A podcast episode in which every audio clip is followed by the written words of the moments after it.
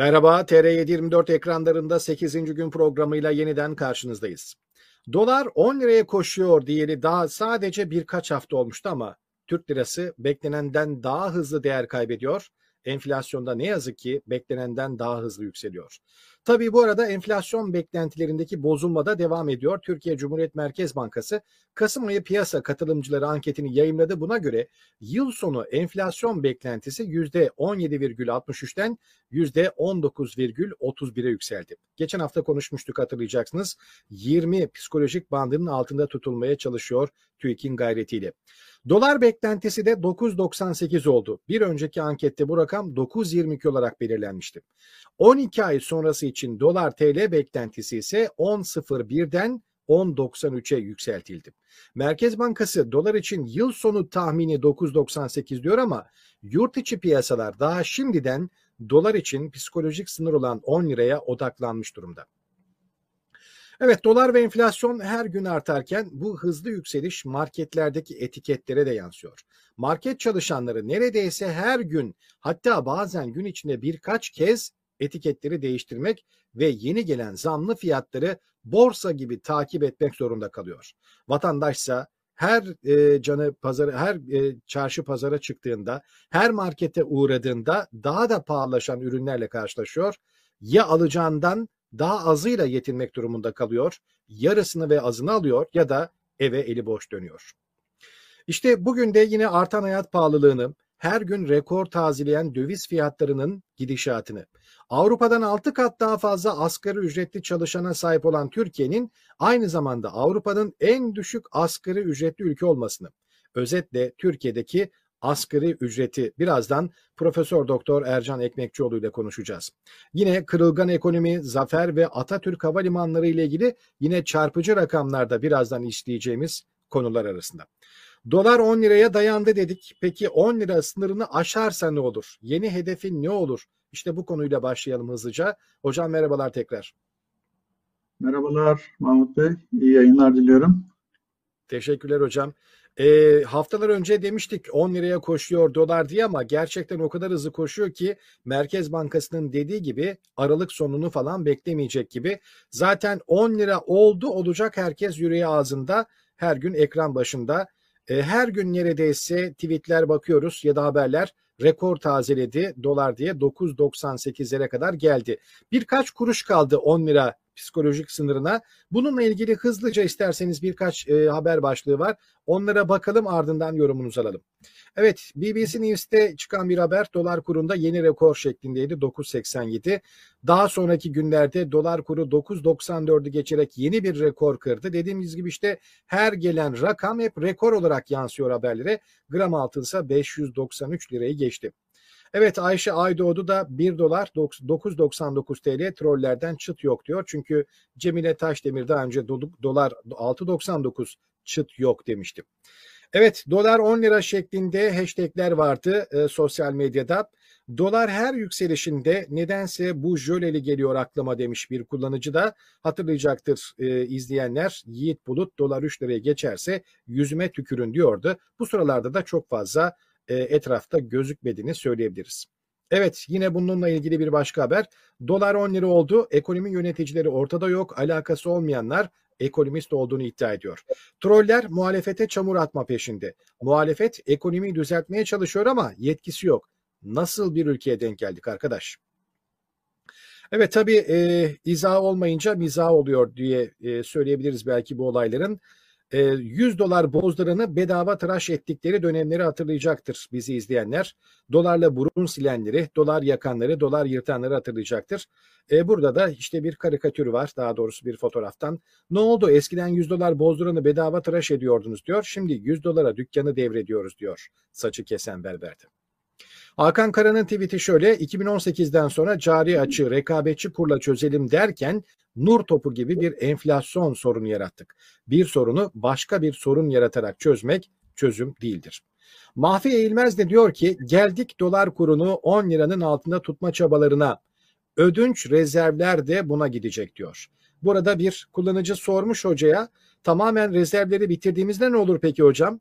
Takasla alışveriş dönemine girer ekonomiyi canlandırır mıyız demiş. Mahve İlmez de diyor ki rezervler zaten ekside ödünç rezervi arttırıp onu da harcıyoruz. Merkez Bankası'nın ekside olduğunu daha önce e, söylemiştik hatırlarsanız.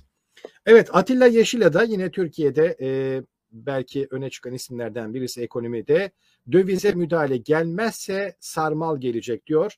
Bunu neye söylemiş? Murat Saman demiş ki dolar TL 9.94.54 ile bugün de yeni bir tarihi rekor kırdı. Kısa vadede Türk lirasındaki değer kaybını durduracak hamle gelecek hafta Merkez Bankası'nın artık faiz indirmemesidir diyor ki 100 puan daha indirmesi gündemdeydi hatırlayacaksınız. Evet geçen sene Nisan ayında ekonomist Atilla Yeşil'e de Sayın Erdoğan ben torunlarımla vakit geçireceğim dese dolar TL 5 liraya düşer. Bunu garanti ediyorum. Türkiye nasıl para akar biliyor musunuz demişti. Eğer hazırsa bu videoyu şimdi hemen bir izleyelim. Kısa bir video. Atilla Yeşil'e de bunu dediğinde geçen sene takvimler Nisan 2021'i gösteriyordu. Dolar 5 liraya düşer dediğinde dolar ne kadardı birazdan aktaralım. Önce videoya bakalım. 5 saniyede hallolur bu işler. Sayın Erdoğan arkadaşlar ben yoruldum artık biraz torunlarımla vakit geçireceğim desin. Ben size garanti ediyorum dolar TL 5. Şaka yapıyorsunuz. Hangisi konusunda? Dolar 5 lira olur. Aa, olur onu garanti. Ha, Erdoğan konusunda bilemem. Kendisi böyle bir kararı alır mı? O konuyu ben şaşırmadın. öneririm ama tabii ıs- ısrar eder. İsrarcı değilim yani ama bir denesin istiyorsun. 5 lira olur. Size kesin garanti ediyorum. Evet hocam e, kısa bir video demiştik. Atilla Yeşil'e de diyordu ki Erdoğan ben çekiliyorum. Torunlarımla bundan sonra vakit geçireceğim de, dese dolar 5 liraya kesin düşer. Bunu garanti ediyorum demişti. Bunu dediğinde e, 23 Nisan 2021'de 1 dolar 8.35 1 euro da 10 liraydı yaklaşık olarak. İsterseniz bununla ilgili biraz konuşalım. Şu anda Erdoğan böyle bir şey söyleyebilir mi? Böyle bir şey mümkün mü? Ekonomide artık bundan sonra bunun karşılığı var mı? İsterseniz önce bununla başlayalım. Öncelikle öyle bir e, analize tam olarak katılmıyorum. Evet el, illaki mutlaka bir etkisi olacaktır. Ama ben e, 5 liraya kadar düşecek bir etki oluşturacağını zannetmiyorum, düşünmüyorum. Nedir? Evet, bunu bilemediniz. 8.35'miş evet. E, bilemediniz en düşeceği nokta 7,5-8 aralığıdır. Daha aşağısı olmaz. Çünkü e, evet belli bir zaman içinde, belli bir dönemde, zaman aralığında Erdoğan faktörü önemli bir faktördü Türk ekonomisi için. Ama artık e, gittikçe bu e, faktörün er, bir buzun e, sıcakta erimesi gibi eridiğini söyleyebiliriz. E, dolayısıyla bu noktada o yorum çok şey yapmayacaktır. E, gerçeği yansıtmayacaktır. E, haddi zatında bugün e, bakanın e, plan bütçe komisyonunda yaptığı bir bütçe sunumunda ifade ettiği bir ifade var. E, diyor ki döviz kuruna ilişkin son dönemde yapılan hükümetimizin ihracatı desteklemek amacıyla yüksek döviz kuru hedeflediğine yönelik yorumlar doğru değil diyor. E, Türkiye dalgalı kur rejimi uygulamaktadır. Kurun değeri de piyasada belirlenir diyor. Net bir şekilde bu ifadeyi kullanıyor. Dolayısıyla bu piyasaların duymasını duymak istediği bir ifadeydi ama geç kalınmış bir e, ifade. Maalesef yanlışlar çokça konuşuluyor. E, fakat e, bu tarz doğrular sadece günün işte iki belli saatinde doğruyu gösteren yanlış saat gibi denk geliyor. Bu da piyasaları tabii istediği noktaya taşıyamıyor, zayıf kalıyor. E, evet doğru. E, Türkiye bir dalgalı kur rejiminde ama bu sözünü ettiğimiz e, önceki 165 milyar dolar ki bunu Cumhurbaşkanı Erdoğan kendi ifadesiyle e, teyit etmişti. Ben 128 milyar dolar demiyorum o ifadeden sonra artık. 165 milyar dolar. E, dolayısıyla 165 milyar dolar bu dalgalı kur müda rejimine müdahaleyle eritildi, bitirildi. Amaç ne orada? Sabit bir kur e, tutmak. Kuru bir sabit noktada tutabilmek meselesiydi. Ama bakanın bugünkü ifadesi doğru. E, kurun değeri aslında piyasada belirlenir. Evet, müdahaleler çok çok rutin olacak işlemler. E, Onun için heba edildi bu 165 milyar dolar. E, ama bugün itibariyle baktığımızda tekrar aynı döngüye geldiğini ne yapabiliriz? Çok rahat söyleyebiliriz. E, ister istemez kamuoyunda konuşulan bazı şeyler de var. Şu noktada e, acaba bir sert devalüasyon mu gelecek? Devalüasyon meselesi sabit kur rejimlerinde ifade edilecek şeylerdir, e, çözümlerdir. Onun için de ciddi bir irade gerekir. Ha öyle bir irade e, konulabilir mi? Evet o koyla, konulabilir. E, orada Erdoğan faktörü rol oynayabilir. Ama e, o noktada kaçırılmış durumda. Şu anlamda e, ne yapıyor? Bu yönüyle e, ister istemez kur dalgalı dalgalı yükselme trendini devam ettirecek gözüküyor. Bunu uluslararası evet. e, paydaşlar da, e, bankalar, finans çevreleri, ekonomi çevreleri e, de ifade ediyorlar zaten. Merkez Bankası geçen yayında da ifade ettiğimiz bir şey vardı. 8 defa 2 yılın içerisinde e, beklentilerini revize etmişti demiştik. Bu olmayacak bir şey demiştik. E, yine aynı şekilde e, yıl sonu itibariyle e, 10 liranın üzerinde bir kur e, olacağını teyit etti. E, hatta hatta 11 lira dayanmış bir kurdan da gelecek yılın sonuna evet. doğru e, ifade edilmiş bir nokta var. E, bunlar aslında piyasanın gerçekleri. Piyasanın gerçekleri. Bakın e, Amerika Birleşik Devletleri'nde de piyasa çalışıyor. Orada önemli bir orada nokta. Orada da enflasyon var. Ya enflasyon orada da var. Dünyada şu an enflasyon gerçeği var. E, ama şöyle bir şey de var. E, şimdi e, 30 yıl sonra 6.2'lik bir enflasyon çıktı karşımıza Amerika'da. Ya bu e, Amerika ekonomisi için e, akla gelmeyecek bir noktaydı belki. E, bundan iki sene öncesinde. E, geçen programlarda da ifade etmiştim. Yüzde iki için iddiaya girmiş Alman arkadaşlarım vardı benim Almanya'da. Yüzde ikiden bahsediyorum. Yani şu an yüzde beşlerin üstüne doğru burada da koşuluyor. Evet. E, dolayısıyla şimdi burada Amerika'nın e, farkı halkı. Halkın farkı ortaya koymuş olması önemli. İnsanlar orada şu an şunu söylüyorlar. Diyorlar ki biz artık soyulmaya başladık. Yine geçtiğimiz programda ifade etmiştik. E, enflasyon ağır bir yolsuzluktur demiştik.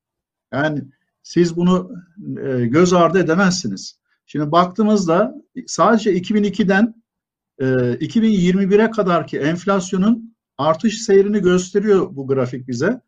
Bakın düzenli bir şekilde artış şeyi var. Kümülatif olarak 2002'den 2021'e kadar e, 541 yüzdelik bir artış fazlalığı var. E, şimdi bu ne demek? 100 liralık bir banknotla 2002'de aldığınız bir ürünü bugün itibariyle 641 liraya alabiliyorsunuz demek. Evet. Böylesine bir e, korkunç şey var, evet, erime var, değer kaybı var. E şimdi bakın burada 100 liranın 2002'deki karşı e, 100 liralık bir banknot 2002'de e, şeye geldiğimizde bugüne geldiğimizde 641 lira 15 kuruş. E, bunun ileriki basamaklarına baktığımızda ne durumda olduğu net bir şekilde karşımıza çıkıyor. 1 milyon lira 6 milyon 411 bin liraya denk geliyor. Yani e, inanılmaz bir değer kaybı var. Bu halkın fakirleşmesi demek. Onun için Amerika'da bugün insanlar diyorlar ki rahat bir şekilde biz soyuluyoruz diye tepki gösteriyorlar. Yani bu hem de yüzde altıya. Yani yüzde altı nokta ikiliye rakamlara bu rakama söylenen tepki, verilen tepki bu. Evet. Ee, Türk halkına bu noktada bu noktada hem e, Joe Biden hem demokratlar ciddi itibar kaybı ve erozyonu yaşıyorlar şu an. Yani daha seçim olalı bir yıl olmadı bakın. Bir yılı doldurmadı. Ee, üstün kara, gözü kapalı bir tutuculuk yok. Rasyonel dediğimiz, rasyonelite dediğimiz akılcı davranış sergileyen halk e, ciddi anlamda tepkiyi ortaya koyabiliyor. Yani üretici fiyat endeksine bakıyorsunuz 8'lerde geziyor. Yüzde 8'lerde mesela. Yani Türkiye'deki gibi korkunç bir makas açıldığı yok. Yani bu yönüyle baktığımızda e, e doğrudan e, ekonomiye etki sahibi olacak güç odağının aslında halkın kendisi olduğu da Amerika örneğinde karşımıza çıkıyor. bugün Türkiye'de eğer halk bu anlamda bir tepki ortaya koymazsa, koymadığı takdirde 1990'ların tekrarını yaşamış olacağız. Belki bir 5 Hocam sene, belki bir bir 10 tepkiden sene bahsediyoruz? Yani ne yapılabilir? Yani refleks, yani doktora gittiğimizde hep söylediğimiz bir örnekti bu. Ee, refleksin çalışıp çalışmadığını bir küçük e, minyatür çek- çekişle tepkiyi öl- ölçer. yapın. Vuruyor bakıyor tepki canlı mı, sinir uçları canlı mı? Eğer sinir canlı değilse, vermiyorsa bir tepki, e, dolayısıyla ne yapmıyor? E, Orada bir e, canlılık yok demek sonucu çıkıyor. Aynı zamanda bu neyi de gösteriyor? Kusuru da gösteriyor, sıkıntıyı da gösteriyor. Ben bir yönüyle bunu söyleyenler bazıları şunu da diyorlar ya Türk toplumu biraz balık hafızalıdır. E, Bir haftalık bir hafıza ömrü var. Bir hafta sonra bugünkü yaşanılan şeyleri söylediğinizde aa diyor insanlar şaşırıyorlar. Bir hafta geçmişte neler duyulduysa, yaşandıysa e, e, bu bir azıcık da beslenmeyle de alakalı. Yine orası da denk geliyor hayat pahalılığıyla bakın alım gücüyle ilişkili. Siz Hocam bir sağlıklı haftada beslenme unutulur ama bir haftada yani bakıyoruz biz haftalardır gündem değişmiyor ki. Yani hayat pahalılığı, enflasyondaki artış, TL'nin giderek paranın pul olması haftalardır hep aynı gündemi konuşuyoruz. Yani Ya, bir hafta o- bile o- olsa yani hafıza aslında her hafta aynı şeyleri konuştuğumuz için yine yenilenmesi lazım. Evet yani üf, burası doğru. Temelde değişmiyor belki ana birinci madde konu ekonomi ve bu hayat pahalılığı belki ama e, bunu bir şekilde ne yapıyor? E, kamu otoritesi, iktidar e, farklı olaylarla ki yaşadığımız örnek e, Lütfi e, neydi? E, bir İyi Parti milletvekilinin yaşadığı bir olay. Kan. E, e, açıkça gündem oldu. Belki 3-4 gün Evet. tartışıldı, konuşuldu. Orada ifade edilen bir rakam var. İşte belki onlarca milyon Türk lirası mı? Neyse bir rakam var. Zira bankanın birisine borcundan bahsedildi. Yani o kadar korkunç rakamlar var ki aslında konuşulacak o kadar muazzam rakamlar var ki katrilyonluk eski paralarla bugünün parasıyla trilyonluk rakamlar varken o rakam orada e, devlet gücü de e, kullanılarak ön plana çıkartıldı ve bu konuşuldu. Ha, burada işte ciddi anlamda belki halkın e, bunu hissetemeyecek noktaya düştüğü anda e, ana muhalefetin, muhalefetin, var olan diğer muhalefetlerin, muhalefet partilerinin e, buna yardımcı olacak, o sinir uçlarını uyaracak tepkiyi oluşturması gerekiyor. Reflekslerim. Evet. Evet. E, refleksleri harekete geçirmesi gerekiyor. Şimdi Amerika'da da diyor insanlar, iktidardakiler, ya işte tedarik zinciri pahalandı, işte şu oldu bu oldu. Ama çıkıyor iktisatçılar konuşuyorlar. Bir dakika diyorlar, öyle değil. Tabii orası çok büyük, öyle bir ülkeden bahsediyoruz ki e, doğusu ve batısı dünyanın en büyük iki okyanusu. Bir tarafında Pasifik Okyanusu var, bir tarafında Atlas Okyanusu var. E, dolayısıyla e, çok fazla ses çıkıyor ve bu sesi susturabilecek, susturamayacak e, hukuki düzenlemeler de var. Bunlar ciddi de şey veriyor, e, imkan sağlıyor Güven bu veriyor şeylere. Evet. E, şimdi bu yönüyle baktığımızda insanlar kalkıyorlar diyorlar ki tedarik zinciri mesele değil ki. Ha, bunlar geçici bir şey. Bugünkü Amerika'da yaşanılan şey e, belki korona sürecinin hafifletilmesini veya etkilerinin zayıflatılması yönüyle piyasalara enjekte ettiğiniz, tedavüle sürdüğünüz büyük miktardaki paradan kaynaklanıyor. Dolaşıma girmiş olan paradan kaynaklanıyor. Bu ne yaptı? Amerikan halkında bir para artışı, nakit artışı getirdi ve bu harcamalara yöneltti insanları. Belki e, belli bir vade içerisinde insanlar e, harcamalarını çeşitlendirdiler, değişimlere girdiler. Artırıcı bir e, ma, harcamayı artırıcı bir değişimle e, fiyat artışlarına yol açtılar. E, temel sebep bu diyor insanlar, yani şeyler, ekonomistler veya durumun farkında olan kurumlar. Uyarıyorlar halkı. Halk da bunlara itibar ediyor, duyuyor, güven duyuyor. Ya bugün e, maalesef bu da yok.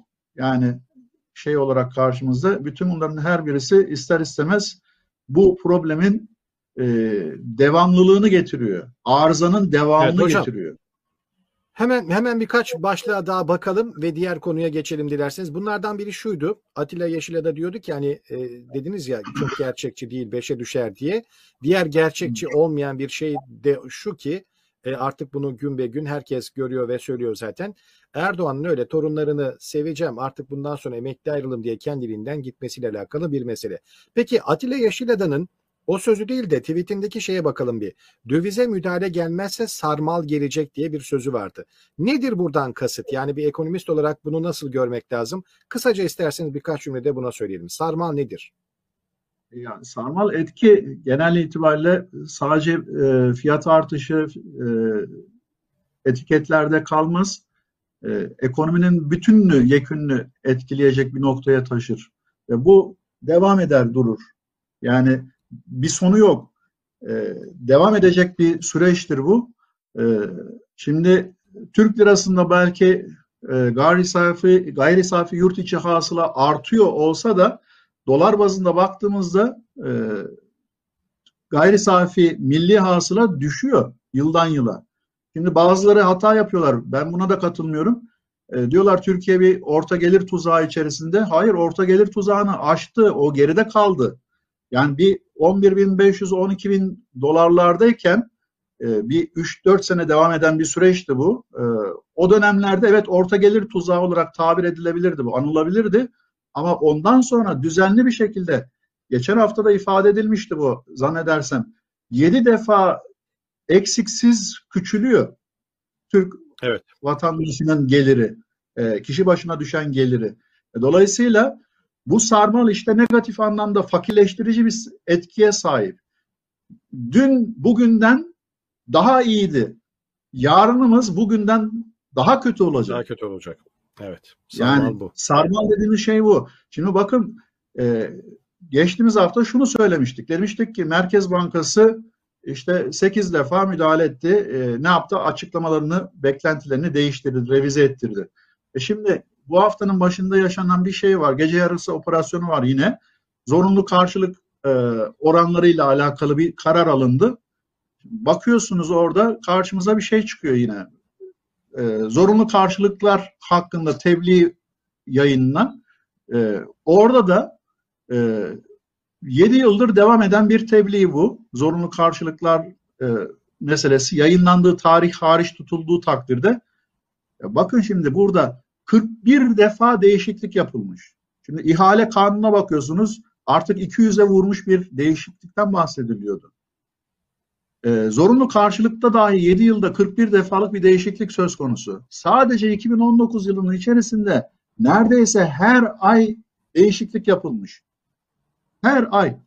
E şimdi hangi finans kuruluşu, hangi banka böylesine bir e, değişken yapının içerisinde ekonomik yapının içerisinde, finansal yapının içerisinde istikrarlı bir büyümeyi devam ettirebilir. Sağlıklı bir büyümeyi devam ettirebilir. İster istemez e, yasal e, hareketlerin ötesinde e, bazı şeylere de yönelmek ihtiyacı duyacak. Çünkü karlı olduğu sürece faaliyetini devam ettirebilecek. Evet. Bu açıdan e, yapılar ister istemez e, böylesine bir olumsuz, hatırlarsanız hep ifade ettiğimiz bir şey daha vardı. E, Gresham kanunu dediğimiz olgu, e, kötü para piyasadan iyi parayı kovar. Hep bu çalışıyor kovar. şu an Türkiye'de. Kovuyor. Bu sarmal etkisini gösteriyor. Şimdi yarın bir gün ne olacak? Bu fiyatlar kurtarmadığı için az önce Amerika'dan örnek verdik. Yüzde sekiz nokta küsürlerden altı nokta küsürlerden bahsediyoruz. Bakın tüfe ile üfe. İki yüzde ikilik bir fark var. E, Türkiye'ye baktığımızda yüzde 46'ya yüzde 20 yani neredeyse iki katı evet. bir rakamdan bahsediyoruz karşımızda. E şimdi bu üreti, e, üreticinin bu şekilde varlığını devam ettirebilmesi, karlılığını devam ettirebilmesi mümkün, mümkün yok. Mümkün değil. E, dolayısıyla ne yapacak? Bir şekilde ya kara borsaya girecek ya bir şekilde çıkacak. Yani oyun içinden çıkacak. İşte bunlardan neye yansıyacak? Biraz sonra onlara bakacağız. Hocam isterseniz bu konuyla ilgili sadece bir cümle şuna değinelim. Ee, hep 10 bandından bahsediyoruz ya. Psikolojik bir sınır oluştu bu. 10 liraya geliyor. 9.98 oldu. Şimdi yani pazartesi günü 10.03 olsa ne olacak? Ya bu 10 aşıldıktan sonrası diğer aşaması ne? Diğer hedef ne? 11 mi olacak? 12 mi? Yani onda tutmak mı mesele? Onu geçerse ne olacak peki? Psikolojik duvar orası. Evet, hükümet için bir psikolojik duvar. E, sözünü ettiğimiz orta vadeli pro- program var. Hiçbir şey burada e, şey yapmıyor, oraya denk gelmiyor. Hesaplar oraya denk gelmiyor. Firmalar açısından aynı şekilde. E, en azından bu yılı bir şekilde kurtarmaları gerekiyor. 10 liranın altında kurtarmaları gerekiyor ki e, bunların muhasebeye yansıması da en azından büyük şey olmasın, sıkıntı olmasın. Çünkü her bir rakamın artışı ister istemez e, muhasebeleştirmeye de karşılık e, getirmesi gerekiyor. E, bunların her birisi sıkıntılı süreçler. E, dolayısıyla e, bu bir yönüyle onu gösteriyor bize. Psikolojik eşiği gösteriyor. Ha, bu orada kalmayacak illaki ne yapacak? 10-50 olacak, 11 olacak belki ki bunu e, artık herkes öngörüyor. Bakın az önce bahsettiğimiz bir şeydi. E, 1994'te Tansu Çiller hükümetinde e, işte o zaman için dalgalı bir kur rejimi e, tam olarak çalışmıyordu. E, doğrudan bir devalüasyon yapıldı. Yüzde 36, yüzde 38'lik bir devalüasyondan bahsediyoruz. Yani inanılmaz bir anında dövize bir şey yapıldı. Türk lirasına karşı değer kaybı oluşturuldu resmi ve bu ekonomide bir yansımayı getirdi. Hayır, geldi. bütün bunları yapabilme, bunu, bunu yapabilmeniz için sizin e, ciddi bir hazırlığınız olması lazım. E şimdi böyle bir şey de yok maalesef. Ya az önce söyledik. Bakın 24 saatin ikisini çıkartın. 22 saat. 22 saat yanlış konuşuluyor. 22 saatin 2 saati sadece doğru konuşuluyor. Ve bu 2 saatlik doğru konuşulan şeylerle de hiçbir şey yapılmıyor. Peki hocam, e, şimdi resmi ya da gayri resmi, ciddi ya da gayri ciddi ya sosyal medyada da değişik platformlarda konuşulan bir konu var. Deniyor ki dolar 10 lira olursa yine daha önce nasıl paradan sıfır attıysak bir sıfır daha atarız. 1 dolar eşittir 1 TL olur. Böyle bir şey mümkün mü? Yani bunu ciddi ciddi yazanlar da oluyor çünkü. Belki e, bununla ilgili birkaç şey de söylemek isteyebilirsiniz. Geçen programlarımızdan birisinde söylemiştim. E, Bunun için çok ciddi, az önce de dediğim gibi yani ciddi bir hazırlığınız olması lazım. Ciddi bir kadronuz olması lazım. E, Düşürürsünüz, sıla- silersiniz. Altı sınıfı sildi Türkiye. Yine Evet. AKP hükümeti döneminde 6-0 kaldırıldı. 1 milyon lira oldu 1 lira. Ama bu ne yapıldı? Bakın 2016'lara kadar belki e, hadi 2015 diyelim 2015'lere kadar e, kabul edilebilir noktalarda bir e, kur artışı söz konusu olabilmişti. Ondan sonrasında ayar kaçtı. Neden kaçtı? E, Çünkü hukuk etkisi gittikçe azaldı ekonominin içerisinde hukukun etkisinin azalması, keyfe keder hareketlerin çoğalması, e, liyakatsiz insanların, kadroların e, ekonomi politikalarına, maliye politikalarına, e, finansal politikalara e, rehberlik yapıyor olması güven meselesini tamamen kaldırdı. Güven meselesi kaldıraç etkisi uyandırır ekonomilerde. E, dolayısıyla önemli bir etkidir bu. Şimdi Turgut Özal'dan bahsettik. Turgut Özal'ın önemli bir vasfı vardı. Bu güven meselesini hep taze tutmaya amaçlayan bir şeydi. Bu neyle ilişkili aynı zamanda? Halkıyla doğrudan temasla ilişkili. Halkına doğrudan sesleniyor ve halkını o erozyona uğramamış ere, e, güven olgusuyla ikna ediyor. Hazırlıyor iktisat politikalarını. Ve diyor ki ya belki fedakarlık gerektiriyor olsa bile halkta makes buluyor bunun karşılığı var. Diyor ki ya bir delik daha açayım diyor kemerimde. Çünkü ben rahat etmesem benim çocuğum rahat edecek. Ama bugün bakıyorsunuz böyle bir şey yok. Dolayısıyla siz bir sıfır atsanız bir sonra bir sezon sonra bir daha tekrar aynı noktaya getireceksiniz. Çünkü yapısal bozuklukların ortadan kaldırılmadığı durumda sıfır atmak bir çözüm değil. Mesele yapısal sorunların ortadan kaldırılmış olması. Ya bu sıfırların atılmasına ne cesaret verdi? Ee, İşte IMF'in bizzat rehberlik ettiği bir hükümet programı vardı, ekonomi programı vardı hükümetlerin. Ee, Dolayısıyla bu neyi vaat ediyordu aynı zamanda? Kurullar vardı, bağımsız kurullar vardı. Bu kurullar, Merkez Bankası da başta geliyor bu kurulların içerisinde, kurumların içerisinde. Ee, müdahalesi asgari olmayacak noktada. Garanti ediliyor kanunlarca. E, dolayısıyla şimdi bakıyorsunuz e, böyle bir şey yok. Ya Merkez Bankası'nın başkanı e, yok hükmünde. Sadece sanal olarak var. E, ismen geçiyor belki. Fiziken belki görüntü veriyor o kadar. Yani bütün bağımsız kurullarda tek bir yere bağlandı zaten. Yani bu, bu, bu açıdan baktığınızda e, işte e, o sıfırın atılması bir şey ifade etmiyor. Evet. İfade etmeyecek. Ve bu hızlı bir şekilde evet. ne yapacak? Tekrar aynı sonucu getirecek. Hemen hızlıca bir başka konuya geçelim. Ee, ondan önce de Karamollaoğlu hatırlayacaktır belki TR724'te bununla ilgili hem köşe yazıları hem de haberler vardı. E, Cumhurbaşkanı ile görüşmesinde aslında AKP Genel Başkanı sıfatıyla görüştü ama Erdoğan tabi sarayda kabul edince görüşme de orada gerçekleşti.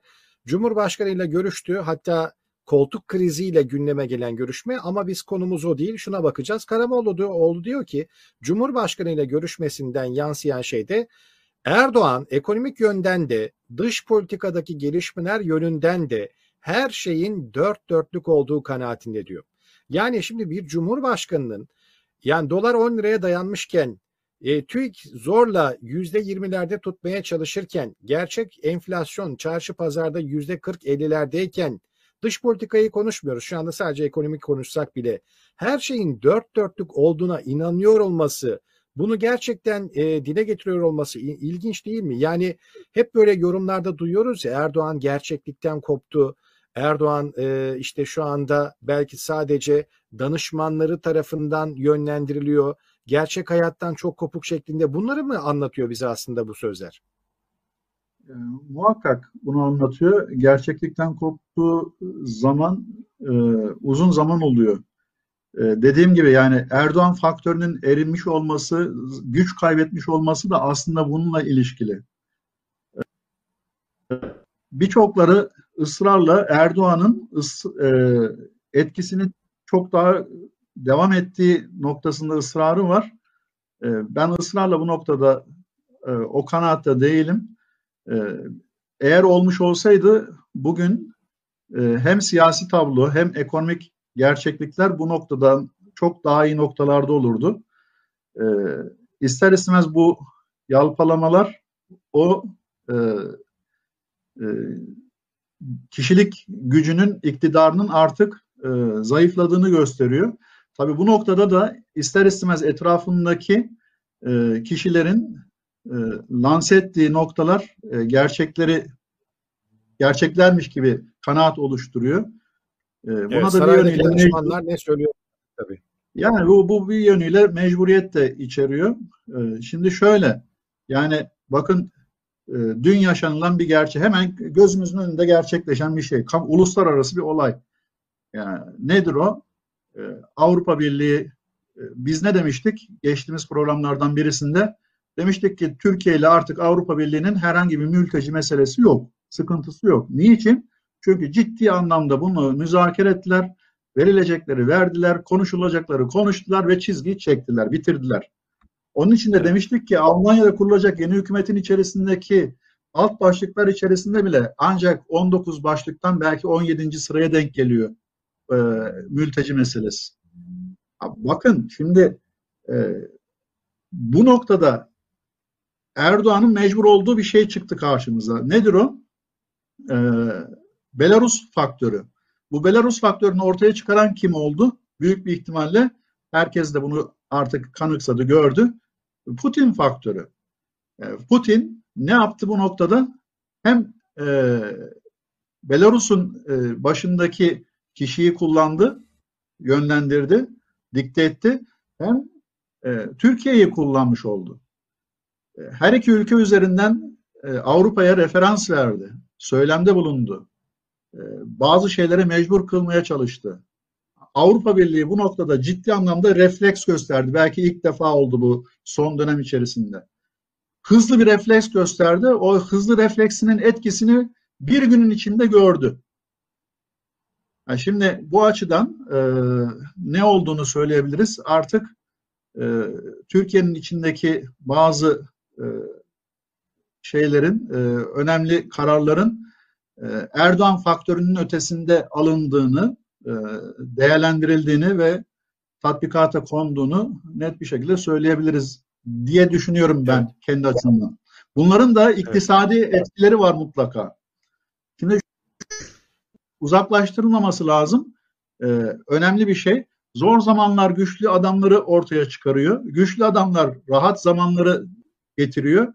Ee, rahat zamanlarda zayıf e, kişilikleri, işte aktörleri tekrar piyasaya getiriyor, sürüyor. E, Bunlar da tekrar zor zamanları getiriyor. Bu bir dönüşüm. Geçtiğimiz zamandaki ifade ettiğimiz o Lafayette meselesi, o Darın Acemoğlu'nun aslında bu döngüyü yaşamamakla ilişkili. Onun için o dar bölgeye kuralları kesin, kat'i e, hem toplum açısından hem devlet açısından oluşturulduğu ve hapsedildiği takdirde bu sürdürülebilir olabilir. O zaman işte etki faktör çok güçlü olur. Evet.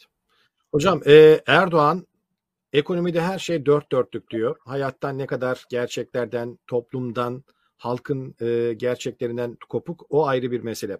Ama isterseniz gerçeklere bakalım biraz. Sokakta neler oluyor? İşte Sedat Peker çok uzun zamandır bizimle alakalı çok tweetler atmadığı için e, kendi programımıza çok konu etmedik ama şöyle bir şey yazmıştı. Dolar 10 TL olmuş.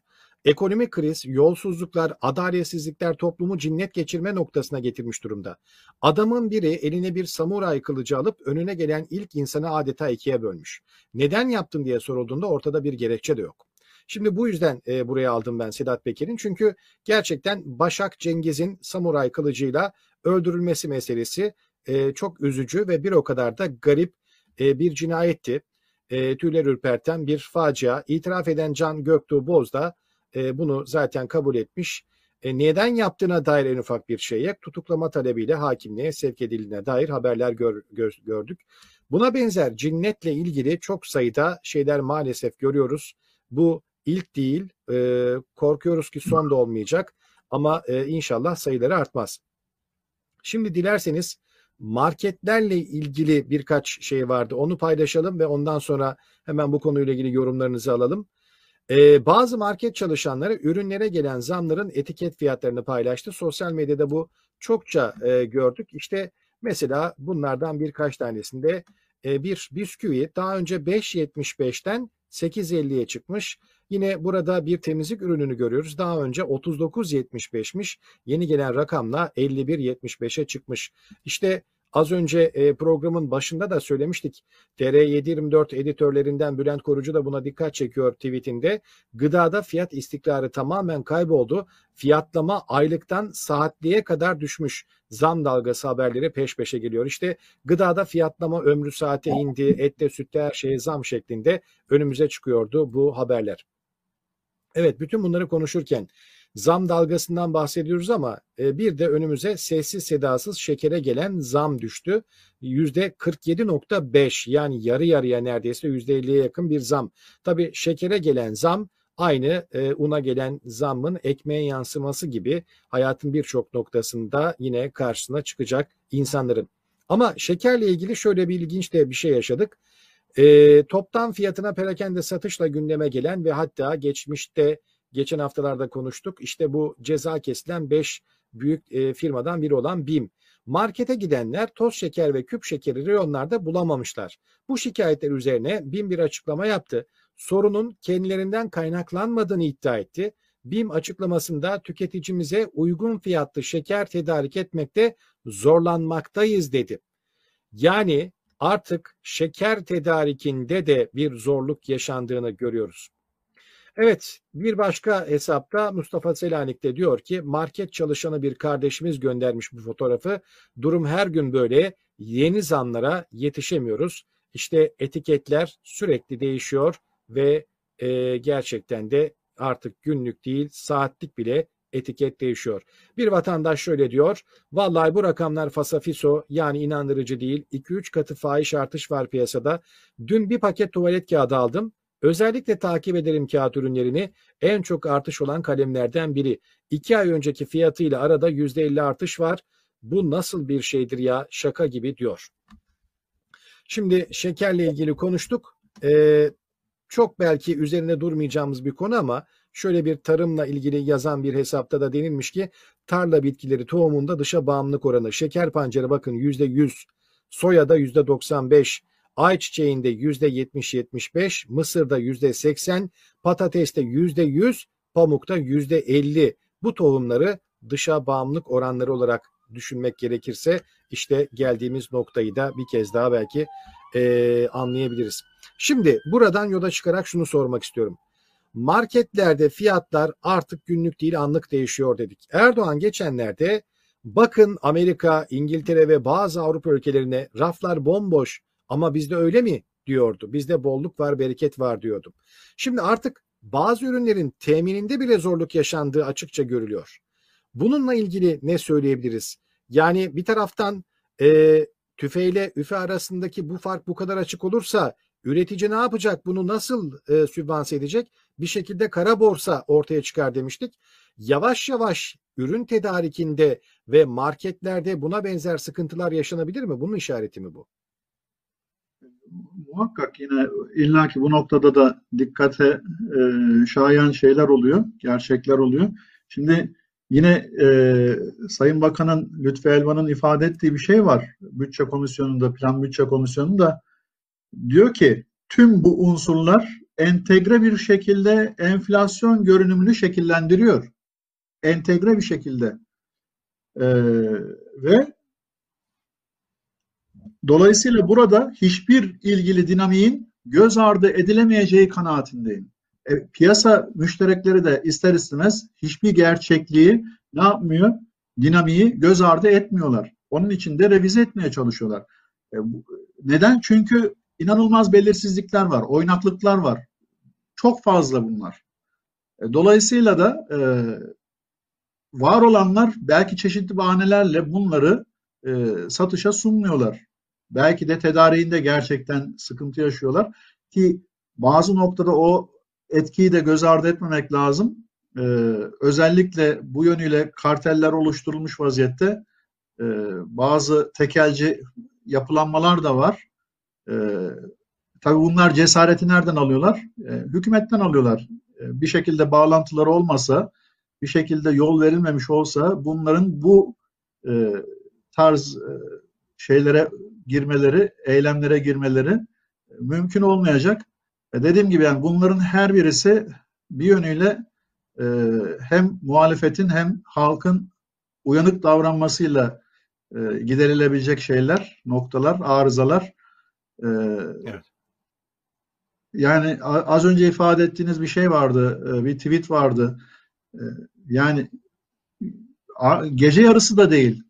Bakın İstanbul gibi bir şey baş e, Türkiye'nin en büyük şehrinin içerisinde yaşanan bir güvenlik sorunu bu. Keyfe keder insan katledilmiş. Evet. Ve daha kötüsü ben onun videosunu öylesine denk gele geldi izledim. Ee, insanlar görüyorlar, müdahale etmiyorlar. Gördüğü halde kafasını çevirip gidenler var. Ve o insan, o katil defalarca elindeki o şeyi, kılıcı, e, samuray kılıcını kasten giderek zaten kendisi de ifade ediyor. Ya bu bu, e, Türkiye'nin en büyük e, ve en yaşanılabilir şehrinde olan bir şey. Bakın bunun için işte dünyada e, güvenlik riskinin en yüksek olduğu şehirlerin içerisinde geliyor İstanbul. Yüzde 43 oranı en düşük seviyelerde. Yani bunu sorgulaması lazım işte insanların, kalkıp da hükümetin, yöneticilerin bunları sorgulaması lazım. Bunlar ister istemez piyasalardaki bütün arızaların da göstergesi. O açıdan o Evet. kişinin ifade ettiği şey doğru. Ee, belki bazıları cinnet geçiriyor ama bu sadistlik ayrı bir şey. Ee, bu noktada e, bütün bu arızalar e, maalesef e, bu ekonominin e, bu sözünü ettiğimiz dalgaların oluşmasında katkı payı çok yüksek etkiler. Hocam bir konu daha var. O konu Türkiye'de insanların gerçekten uzun zamandır rahatsız olduğu bir konu. Çok kısaca onu e, anlatıp daha sonra asgari ücretle bir e, ilgili e, bölüme geçeceğiz. Kış saati meselesi Türkiye'de bir süredir sosyal medyada hep gündemde. E, bir kamuoyu şirketinin sahibi Özer Sancar diyor ki Sencar kış saatine geçilmediği için toplumun yarısı rahatsız olmuş. 5 yıl önce yapılan anketten bahsediyor. Bu ayda bu konuyu tekrar soracağız. Kamuoyunda yoğun istek olursa iktidar belki geri adım atabilir seçim ortamında diye. Daha önce kış saati uygulamasının doğru bir karar mı yanlış bir karar mı olduğu sorulduğunda toplumun %50.5'i e, yanlış bir karar olduğunu söylemiş. E, ama bakalım bu kez nasıl söylenecek? Çünkü karanlıkta işe giden saatin 6'sında 7'sinde gece zifiri karanlıkta servislere binen e, çocuklardan e, belki görüntüler çok izledik sosyal medyada. E, bununla ilgili bir tweette de şöyle deniyor. İnsanlar kör karanlıkta işe gidiyor. Çocuklar halen gece zannedip arabalarda servislerde uyuyarak okula gidiyor. Damat Bey'in elektrik şirketi ortaklarını zengin edeceğiz diye 83 milyon insana yaptığınız bu işkence artık son verin. Acilen kış saatlerine dönelim yeter artık. Şimdi bu tabii ki sadece bununla sınırlı olan bir şey değil. Mesele sadece birilerinin e, enerji şirketleri değil. Avrupa'nın da ilerleyen yıllarda belki önümüzdeki yıllarda bu uygulamayı kış ve yaz saati geçişini e, sonlandıracağıyla ilgili beklentiler de var. Ee, eğer bununla ilgili de bir şeyler söylemek ister misiniz bilmiyorum. Yoksa asgari ücretle ilgili bir diziye geçeceğim. İsterseniz burada da e, onları paylaşabiliriz. Şimdi e, BBC News'te gördüğümüz asgari ücretle ilgili bir dizi vardı. Bunu hemen hızlıca paylaşalım. Sonra üstüne birkaç cümle mutlaka yine e, yorumunuzu alalım. Türkiye'de asgari ücretli çalışanların oranı Avrupa Birliği ortalamasından 6 kat daha fazla. 2016 başında Türkiye'de brüt asgari ücretin karşılığı 518 euroydu. Bugünse bu rakam 317 euroya kadar düşmüş durumda. Bugün Türkiye'deki asgari ücret Avrupa Birliği'nde aday ülkeler içinde yalnızca Arnavutluk'takinden daha yüksek. Türkiye'de çalışanların çoğu asgari ücret civarında maaş alıyor. Yine Türkiye'de brüt asgari ücret olan 3577 TL'den yaklaşık 1019 lirası kesinti. Yani bekar bir asgari ücretlinin eline net 2825 TL geçiyor. Ve devam ediyoruz. Türk İş'in Eylül 2021 hesaplarına göre 4 kişilik bir ailenin yoksulluktan kurtulması için iki ebeveynin de asgari ücretin neredeyse iki katı maaş alması gerekiyor. Yani hem iki ebeveyn de çalışacak e, bir evde yoksulluktan kurtulmak için hem de aldıkları bu asgari ücretin iki katı kadar almaları gerekecek. Yine disk verilerine göre Türkiye Avrupa Birliği ve aday ülkeler içinde başbakan veya devlet başkanı maaşının asgari ücrete kıyasla en yüksek olduğu ülke. Evet hocam asgari ücretle ilgili e, önemli bir çalışma yapılmış BBC News'te. Biz de bunları biraz paylaşıp üzerine isterseniz birkaç cümle e, yorum yapabiliriz. Yani bununla ilgili zaten oldukça fazla açıklama yapmıştık. Ee, yine evet. geçtiğimiz günlerde ifade edilen şey vardı. Eylül ayı işsizlik verileri açıklanmıştı. Orada karşımıza çıkan bir şey var. Atıl iş gücü oranı %22.4 gibi bir oranda çıktı. Ee, yani bu ne demek? Her yaklaşık 4 kişiden birisinin hala işsiz olduğunu gösteriyor bize. Net bir şekilde gösteriyor. Ee, tabii bu tüm bunların her birisi e, yapısal bozukluklardan kaynaklanıyor. Adaletsizlikten da kaynaklanıyor. Verimsizlikten kaynaklanıyor. Verimsizlik için ben bir örnek veriyorum. Mesela Türkiye'deki verimsizliğin örneği e, tanımı belki çok anlaşılmayabiliyor pratikte şey yapmadığımız takdirde örnek vermediğimizde e, Hollanda'dan e, bir cins inek getiriyorlar e, ki litre verimi e, aylık bazda baktığımızda 1000 ve 1200 litre arası değişiyor. Aynı evet. inek Türkiye'ye geldiğinde 550-600 litrelik bir verime düşüyor. İnek değişmiyor. İnek aynı inek. Ne var burada? Verim nereye düşmüş? Yani verimliliği inanılmaz. Neredeyse yüzde 40, yüzde 45'lik bir verimlilik düşüşü var. Neden kaynaklanıyor? E, sistemden kaynaklanıyor. Bir, bir şeyde bir eksiklik var, yanlışlık var. E, dolayısıyla e, burada hem denetim, hem verimlilik, hem e, bunların çalışmasının sistemsizliği e, ve eğitimsizlik e, bütün bu ekonominin parametrelerini ne yapmıyor? Ciddi anlamda e, sürdürülebilir e, potansiyel bir sonuca götürecek, refah oluşturacak etkiyi sağlayamıyor maalesef. Hocam Görünen Avrupa şey bizi kıskanıyor lafı var ya hep işte. Yani hem Avrupa'ya göre sayıca 6 kat daha fazla asgari ücretli var. Yani çalışanların çok büyük bir kısmı neredeyse Türkiye'de asgari ücretli ya da en azından öyle gösteriliyor resmiyette. Yani bunu anlıyoruz. Bir tarafta da asgari ücretli olarak bu kadar çok çalışan var ama bir eve ancak 4 asgari ücret tutarında bir para gelirse yoksulluk sınırı ancak yakalanabiliyor. Diğer taraftan da e, Avrupa'ya göre dolar ve euro bazında en düşük asgari ücretli ülkelerden bir tanesi Arnavutluk'tan sonra yine Türkiye. Öyle. Maalesef. Evet. İşte bunu sorgulayacak Peki, halk. evet. Onun için söylüyoruz. Halk bunu sorgulayacak. Halk bunun hesabını soracak. Başka yolu yok. Başka yolu yok. Hocam e, birkaç konumuz var. İsterseniz onlara da hemen hızlıca geçeceğim ama bir haber çıktı karşımıza. Aktif Haber'de Türkiye en kırılgan 5. ekonomi diyordu bu haber. Şimdi bunun üzerine birkaç cümle lütfen şey yapabilir miyiz, açıklayabilir miyiz? Yani birincisi kırılgan ekonomide ne anlamamız gerekiyor? İkincisi de Türkiye nasıl oldu da en güçlü ekonomilerden en kırılgan 5. ekonomiye kadar geldi? Evet, en çok fazla örnek verilen gelişen piyasalar örneklerinden birisiydi Türkiye. Maalesef artık hiç buraya sokulmayan, düşünülmeyen, yer almayan e, bir ülke durumunda. Sebebi değişkenleri çok fazla, risk parametreleri çok yüksek. E, Dolayısıyla da kırılganlığı çok fazla. E, Oynaklık dediğimiz o volatilitesi de çok yüksek olduğundan dolayı e, ne yapılmıyor? bu anlamda örnek ülkeler veya e, case olarak e, işlenecek ülkeler kategorisinde ele alınmıyor. E, göz ardı edilmiş vaziyette. Bütün bunların her birisi kırılganlığını alabildiğine yükseltiyor. Bu aslında e, en önemli örneklerden bir tanesi. Birçok faktör var, birçok endeks var. Bu kırılganlığı teyit edecek, gö- gösterecek. E, her ne kadar içeridekilerin bunu e, bunun ötesinde farklı söylemler geliştiriyor olsalar da e, işte az önce söyledik yani bakanın ifadesi plan bütçe komisyonundaki realitenin ifadesi zaten. Gerçeğin ifadesi.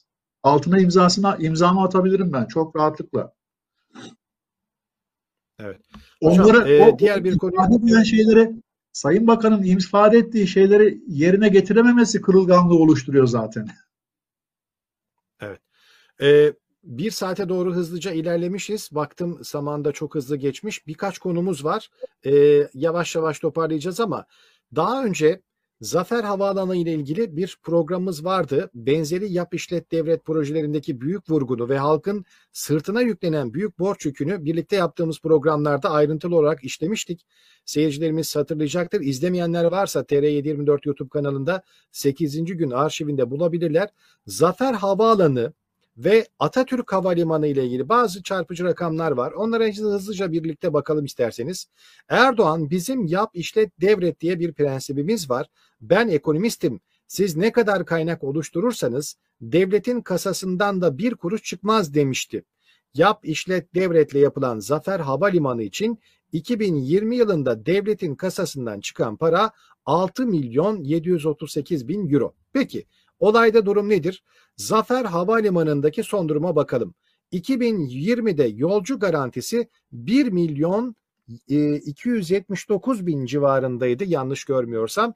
E, yani 2020'de bu kadar yolcu için garanti verildi ve bunun ödemesi de şirkete yapılıyor. Peki 9 aylık yolcu sayısına bakalım. Sadece 16.450 bakın küsurat bile yok. Küsuratı bile yakalayamamışız. Yani 1 milyonu geçtik 279 bin var orada. Onu da geçtik 79'u burada sadece 16.450 9 aylık yolcu sayısı. Yani zaten yapıldığı yer e, bu kadar e, havalimanına e, büyük bir rağbet olmayacağı bu kadar belliyken göz göre göre gelen bir durumdu bu. E, bunu hatırlayacaktır seyircilerimiz bununla ilgili çok şey söylemiştik. Şimdi Zafer Havaalanı'ndan sonra Atatürk Havalimanı'na bakalım. E, bu pisti görünce gerçekten insanın içi, e, yüreği parçalanıyor. Pistin başına Covid zamanında bir hastane güya inşa edildi. O hastanenin çalışıp çalışmadığını, içinde ne olup bittiğini de gören yok ya gerçi. Dünyanın en iyi havalimanları arasındayken AKP'nin kapattığı Atatürk Havalimanı'ndan 7 Nisan 2019 ile 30 Eylül 2021 tarihleri arasında Cumhurbaşkanlığı uçakları ve özel jetlerle tam 90.693 uçuş gerçekleştirilmiş. 90 bin uçuştan ne taşındı, ülkeye ne getirildi, ne götürüldü diye soruyor Ayşe Aydoğdu. Sayit Sefa da yine bu habere e, ka, e, dayanarak şunu söylemiş. Kara para, silah ve uyuşturucu trafiğinde hayli artış olmuş deşen, e, desenize. Evet 90 bin uçuş Cumhurbaşkanlığı filosu ve özel jetlerin yaptığı uçuşlar. Tabii Atatürk Havalimanı şu anda e, kullanıma kapalı olunca sadece Cumhurbaşkanlığı filosu ve özel jetlerin uçakların kullanımını görüyoruz. E, bununla ilgili çok çarpıcı iddialar da vardı. Kara para, uyuşturucu, tarihi eserler birçok şey söylendi. Bunları net olarak bilmek mümkün değil ama 90 bin uçuşla gerçekten ne geldi Türkiye'ye, Türkiye'den ne gitti bilmiyoruz. Hatırlarsanız bundan e, belki 5-6 yıl önce, belki biraz daha eski olabilir. E, sözünü ettiğimiz o Atatürk Havalimanı'nın e, bir vakası kamuoyuyla paylaşılmıştı, gazetelere düşmüştü. Büyük miktarda e, balyalar var, e, çuvallar var ve bu çuvallardan bir tanesi kargo araçlarından devrilmiş ve yırtılmıştı. İçeri, içinden de dışarıya e, deste deste Türk liraları çıkmıştı. Ve bu da e, fotoğraflara yansımıştı, paylaşılmıştı. E, daha sonra bunun e, uluslararası bo, e, piyasalarda swap işlemleri için kullanılan Türk lirası olduğu ifade edildi resmi kaynaklarca. E, artık böylesine bir haber bile göremiyoruz. Yani neden, gerekçe, sebep dahi açıklanmıyor. Ve e, bir milletvekilinin, CHP milletvekilinin yapmış olduğu e, soru önergesine verilen cevapla Ulaştırma Altyapı Bakanlığı'nın Strateji Geliştirme Başkanlığı'nın verdiği resmi cevap bu. E, 90.693 uçuş. Bakın kapatıldı sözüm ona bu. Havalimanı ve pisti kırıldı. Kırıldı. Evet. Sabiha Gökçen Havalimanı içerisinde e, bir türlü tamir edilemeyen, bir türlü e, kusuru giderilemeyen bir e, şey var, pist var. Milyarlarca Türk lirası para yatırılıyor oraya. Milyarlarca. Bakın milyarlarca diyorum, yüz milyonlarca demiyorum. Burada kusursuz bir havalimanından dünyanın ilk sıralamasında ilk beşe girmiş bir havalimanından bahsediyoruz. Pistleri kırılıyor ve hastane yapılıyor sözüm ona. E, pandemi hastanesi yapılıyor. Evet. Ve bakın şimdi e, toplam süre içerisinde ne kadarlık bir süre bu 90.693 uçuş yapılan süre 27 aylık bir süre. E, aylık bazda baktığımızda ayda 3350 küsür uçuş yapar bu. Günlük bazda da 115'e yaklaşık bir e, uçuş demektir. O bölgenin insanları bile söylüyor. O, o bölgede yaşayan, ikamet eden e, vatandaşların paylaşımlarını okudum ben tweette. Ada, insanlar diyorlar ki biz burası faal çalıştığında bu kadar rahatsızlık duymuyorduk. Peki ne oluyor evet, burada? Vızır vızır uçaklar inip kalkmış demek ki. Yani, yani ne oluyor burada? Ve hiçbirisinin paylaşımı yok. Hiçbirisinin e, dökümü yok. Ama enteresandır. Bakın az önce ifade ettiğimiz bir şey vardı. Putin'in de e, belki Avrupa Birliği'ne bir e, zorlama, kanırtma stratejisi gereği işte Belarus'u göçmenlerce kullanması meselesinde Avrupa Birliği Komisyon Başkanı'nın ifade ettiği bir şey var. Diyor ki buraya bu mültecileri taşıyan hava yollarına ikaz ediyoruz, ediyoruz dedi. Yani uyarıyoruz dedi. Ciddi anlamda yaptırımlar uygulayacağız. Ve karar isteği alacağız dedi. Ve buradan sonra bu açıklamadan sonra Polonya'nın başbakanı açık açık söyledi. Türkiye, Belarus'un ve Rusya'nın e, yardımcısı gibi çalıştığını biliyoruz ve biz bunu e, yaptığımız bunca desteğe karşılık e, şey görüyoruz. Yani yanlış görüyoruz, yanlış buluyoruz dedi. Başbakan bunu söylüyor. Ve hiçbir resmi Evet. kurum eğer bilmiyor bilmiyor olsa elinde belgesi bilgisi olmasa bu ifadeyi net bir şekilde söylemez dile getirmez. Ee, ne Hocam oldu? e, geçen haftalarda konuştuğumuz evet bir gri Türk liste meselesi var. ilgili. Evet. Evet bu, bu konuyla da ilgili bağlantılı olabilir mi bu? Yani buradan kalkan uçaklar ne getirdi ne götürdü bilmiyoruz diyoruz ya. Yani o gri listeye girmemizdeki en önemli şeylerden bir tanesi de şüpheli para trafiği ve kara para aklama ile ilgili iddialardı. Evet. Yani bir sürü şey var. Yani bu 17-25 tapeleri dediğimiz noktada e, kamuoyuyla paylaşılan e, tapelerin içerisinde bazı örneklerini gördük. E, bizzat e, adı geçen havayolu şirketinin görevlilerinin ifade ettiği, kullandığı cümleler e, kolay şeyler değil, kabul edilebilecek şeyler değil. Afrika'ya taşınan meselelerin ne olduğu orada ifade ediliyordu, sadir ediliyordu, ak- aktarılıyordu kamuoyuyla biliyordu. Şahit Telefon bunların hepsi. silah, silahtan bile bahsediliyor. Yani. Evet. Şimdi Nijerya'ya ne gitti veya işte öbür taraflara neler gitti geldi. E, Kanada'dan Türkiye'ye ne geldi. Yani Şimdi bir de başka tarafları var. Yani daha daha değişik noktaları var. E, şimdi bütün bunların her birisi bilinmeyecek şeyler değil. Şimdi meşhur yine Cumhurbaşkanı Erdoğan'ın ifade ettiği bir şey var. Büyük devletler dinler, büyük devletler bilir. E, elbette biliyorlar. E şimdi onun içindir ki bakın akşamında bu konuş dün itibariyle konuşulan şeyler bugün itibariyle çözüme kavuştu. Türkiye anında hem e, Türk Hava Kurumu, Türk Hava e, Yolları hem e, Belavia, e, Belarusya'nın e, resmi hava kurumu artık e, Suriye'den, e, Irak'tan ve Yemen'den Türkiye üzerinden yolcu almayacağını deklare etmiş oldu. Yani şimdi Evet. bu bazı şeylerin de açık göstergesi maalesef. E, sözün ettiğimiz şey hep bu işte. Yani evet. ister istemez bütün bu kusurlar, bu yanlış davranışlar e, ne yapıyor? Türkiye'nin işte o kırılganlığını, o Türkiye'nin saygınlığına zarar veriyor, halel getiriyor. Ha, bunu niçin yapıyorlar? Çünkü e, normal koşullarda artık e, temiz bir ek- çalışan bir ekonomi sağlayabilecek şeyden noktadan uzaklaştılar. Çok uzaklaştılar. Ancak bu şekilde e, ne yapabiliyorlar? Ekonomiyi çevirebiliyorlar. Onun için işte hep bize söylüyorlar. Hocam bir türlü dedikleriniz tutmuyor. Siz nasıl iktisatçısınız? Biz normal koşullarda çalışan sisteme göre değerlendiriyoruz, bakıyoruz olayları. Hiçbir şey normal değil ki artık.